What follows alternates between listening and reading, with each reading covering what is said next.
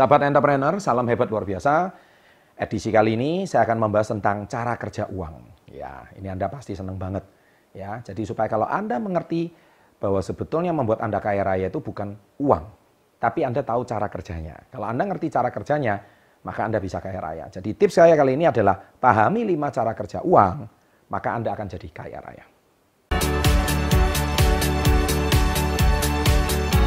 Topik kali ini saya akan membahas sedikit sukses 30. Yang yang pertama, uang jangan dikejar. Wih, apa ini maksudnya? Banyak orang seumur hidup mengejar uang terus. Saya katakan nggak salah sih. Tapi uang itu semakin dikejar seperti Anda mengejar kupu-kupu. Seperti Anda mengejar ayam, seperti Anda mengejar lebah. Tambah dikejar, tambah lari. Belum tentu dapat pula. Ya. Loh Pak, saya kerja tujuannya apa? Ya cari uang, mengejar uang. Saya katakan, itulah pemahaman yang paling dangkal tentang bagaimana cara mencari uang. Tapi ketika Anda mau kaya raya, Anda bukan mencari uang, tapi bagaimana Anda bisa dikejar uang. Dan bagaimana Anda jangan mengejar uang. Ya, saya sudah bahas sering kali di video-video saya sebelumnya, termasuk di renungan. Kalau Anda memberikan umpan pada ikan, maka ikan akan datang. Kalau Anda mau menangkap lebah, Anda jangan menangkap memberikan eh, apa mengejar lebahnya, tapi berikan bunga untuk dia di situ bisa menghasilkan eh, berternak madu bahkan di sana. Ya, jadi Anda harus tahu bagaimana cara Anda bisa dikejar. Pahami, uang akan mendekati orang-orang yang punya value. Orang uang akan mendekati orang-orang yang punya nilai. Ingat sekali lagi, emas itu barang bernilai. Ya, jadi ketika ada nilai, maka uang akan lari kepada Anda yang bernilai. Nah, Anda ini pribadi yang bernilai enggak? Kalau Anda pribadi yang bernilai, Anda nggak usah minta dinaikkan gaji, tapi Anda akan diberikan jabatan 30 kali lipat di, ah, sorry, jabatan Anda dinaikkan dan penghasilan Anda bisa 30 kali, 30 kali lebih tinggi. Kenapa? Karena Anda punya nilai untuk perusahaan. Contohnya, Anda sekarang mm, mempunyai akun sosmed contohnya. Isi akun sosmed Anda value-nya mau didatengin uang nggak? Atau makan dijauhi uang? Kalau akun sosmed Anda ini malah dijauhi uang, ya otomatis Anda ini mengejar uang terus umur hidup. Tapi kalau Anda bisa membangun akun sosmed yang benar, akun Instagram yang benar, channel YouTube yang benar, nah, Anda akan didatengin uang. Ya kan? Bukan AdSense ya yang saya maksud di sini, bukan. Tetapi mungkin orang-orang akan mengajak Anda bekerja sama. Ya, sama juga mungkin kalau Anda hari ini perusahaan Anda. Kalau Anda hari ini seorang konsultan yang baik, Anda punya satu value yang baik, maka perusahaan-perusahaan yang akan menyewa Anda sebagai jasa konsultan, entah konsultan pembukuannya mungkin sebagai akuntan, entah konsultan IT-nya mungkin sebagai konsultan IT, ya kan? Atau mungkin Anda sebagai seorang dokter. Kenapa ada dokter laku, ada dokter nggak laku? Ya karena jawabannya satu, dokter yang satu punya value, yang satu nggak punya value. Kalau dokter yang punya value, dia pasti punya nilai tambah kenapa pasiennya bisa rame. Dan sebagainya, dan sebagainya. Jadi punyalah value. Jadi kalau Anda, uang jangan dikejar. Kalau Anda punya value, justru Anda yang dikejar uang. Yang kedua, bu, bukan berapa bukan berapa uang yang Anda hasilkan, tapi berapa yang Anda simpan. Nah, ini poin kedua. Ini sudah sering saya bahas di video-video saya sebelumnya. Ingat, berapa banyak gaji Anda tidak ada artinya kalau Anda punya gaji 10 juta, bulan ini langsung habis 10 juta. Nggak ada artinya. Lebih baik dari 10 juta, berapa yang bisa Anda selamatkan, berapa bisa yang Anda simpan, itu akan menentukan kekayaan Anda kelak. Dan apa yang Anda selamatkan, Anda simpan, Anda jadi as, jadikan aset. Nah, aset itu suatu hari yang akan bernilai dan itu bisa mendatangkan kekayaan bagi Anda. Ya, orang sukses seumur hidup bekerja mencari uang. Sorry, orang gagal. Tapi orang sukses, dia seumur hidup bekerja bukan mencari uang, tapi membangun aset. Nah, asetnya itulah yang suatu hari akan mencarikan uang untuk dia. Itu yang sering saya kata-katakan di video-video saya sebelumnya, maupun quotes-quotes yang sudah saya bagikan di sosmed.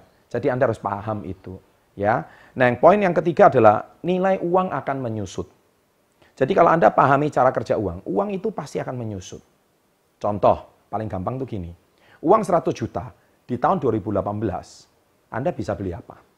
Ya, kalau 2018 uang 100 juta, mungkin Anda sekarang masih bisa beli satu petak sawah contohnya. Tapi di tahun 2028, ya, 2028, 10 tahun lagi, uang 100 juta Anda bisa menghasilkan apa? Jangankan sepetak sawah, anda mungkin seperempat petak aja Anda sudah nggak bisa beli. Sama.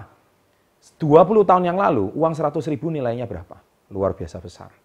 10 tahun yang lalu aja, uang 100 ribu Anda bisa beli berkeranjang-keranjang. Tapi zaman sekarang uang 100 ribu, Anda seperempat keranjang aja udah bagus.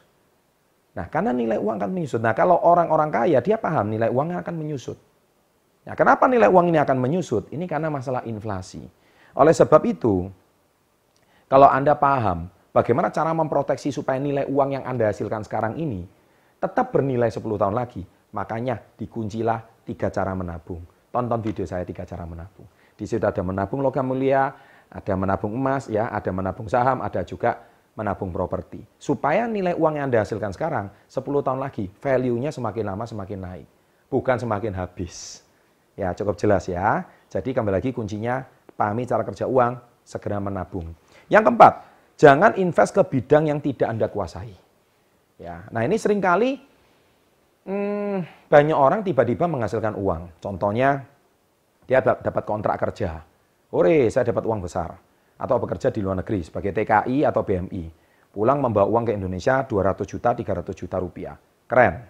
Ya kan, dulunya gaji 1 juta aja nggak ada. Sekarang tiba-tiba dapat 300 juta. Nah, karena Anda tidak punya kecerdasan finansial yang baik, akhirnya uang yang Anda hasilkan dalam jumlah yang besar itu, Anda investasikan ke bidang-bidang yang tidak betul. Tidak Anda kuasai. Ada orang bilang, ternak lele. Ya, Anda invest ke ternak lele 50 juta. Alhasil, hancur. Lelenya mati semua. Ternak ayam, Anda nggak kuasai bidang itu. Anda nggak punya pengalaman di bidang itu. Anda ternak ikut teman, ayamnya mati semua. Terus ayamnya dicuri orang, hilang. ya kan? Kemudian apa lagi? Invest batu bara contohnya. Eh, batu bara nilainya turun. Ternyata setelah investasi ada masalah izin. Akhirnya uang itu melayang. Akhirnya Anda stres, sudah bekerja di luar negeri mungkin bertahun-tahun, pulang membawa, menghasilkan uang 300 juta, akhirnya stres. Akhirnya apa? Karena stres, galau, bingung, akhirnya kembali lagi kerja di luar negeri. Nah ini sering kali kegalauan ini seperti itu. Nah kalau Anda tidak paham cara kerja uang, makanya lebih baik uang yang Anda hasilkan itu, tonton video saya, tiga cara menabung. Kecuali memang Anda menguasai bidang usahanya, kecuali. Ya contoh Anda memang punya bidang usaha kuliner contohnya bisa buka tepot contohnya. Atau Anda misalkan pandai berjualan, ya Anda menguasai produk yang Anda jual. Anda buka usaha facial contohnya. Banyak murid-murid saya buka usaha facial, ya di buka usaha klinik kecantikan. Boleh juga Anda punya kemampuan di bidang itu, silakan kembangkan. Nah itu nilai uang Anda akan berputar. Tapi kalau Anda nggak punya kemampuan di bidang usaha, lebih baik menabung aja. Atau belikan sawah, atau belikan properti, selesai. Kalau mungkin di desa dibeliin apa? Sapi kali ya beliin kambing, ya is oke. Okay. Itu lebih nilai nilainya lebih lebih lebih ada nilainya daripada Anda nggak bisa ngerti di bidang usaha, invest ke tempat yang tidak-tidak, tambah hancur. ya. Dan yang kelima, tahu ke mana pengeluaran kamu. Ya, jadi tahu pengeluaran kamu.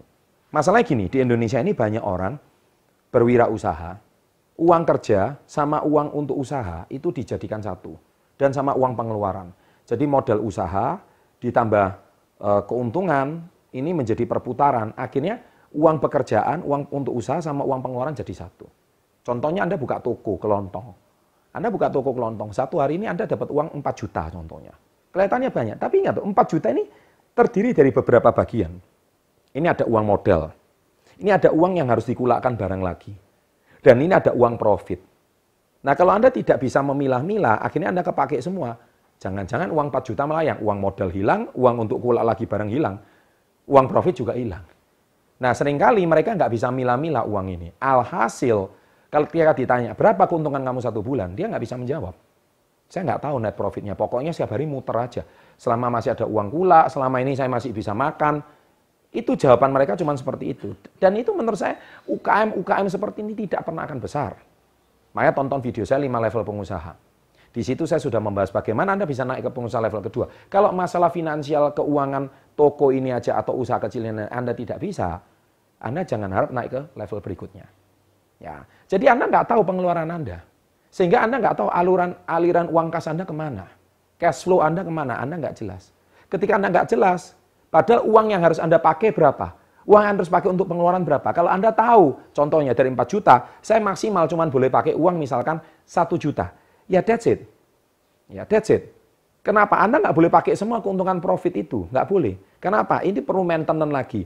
Perlu gaji karyawan lagi. Perlu ini lagi. Perlu nanti kalau nilai barangnya naik. Nah, Anda nggak boleh pakai semua profit. Nggak boleh. Mungkin Anda cuma ambil profit ini untuk pengeluaran mungkin cuma 50%, mungkin 500 ribu. Ya sudah. Loh Pak, saya stres Pak, 500 nggak cukup. Pengeluaran saya harusnya 1 juta. Ya tingkatkan omset. Itu aja.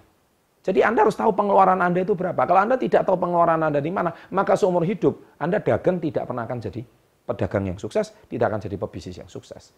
Kenapa? Yaitu tadi saya sudah katakan Anda tidak tahu berapa pengeluaran kamu. Tulis berapa pengeluaran kamu yang seharusnya. Ya, dengan demikian Anda sudah paham lima cara kerja ini. Semoga video ini menginspirasi, semoga video ini memberikan Anda gambaran dan wawasan dan jangan lupa like, berikan komen komen Anda di bawah, subscribe-nya jangan lupa serta share video ini ke teman-teman. Ada dua video silahkan ditonton. Sukses untuk Anda, Semoga selalu menginspirasi dan selalu salam hebat luar biasa.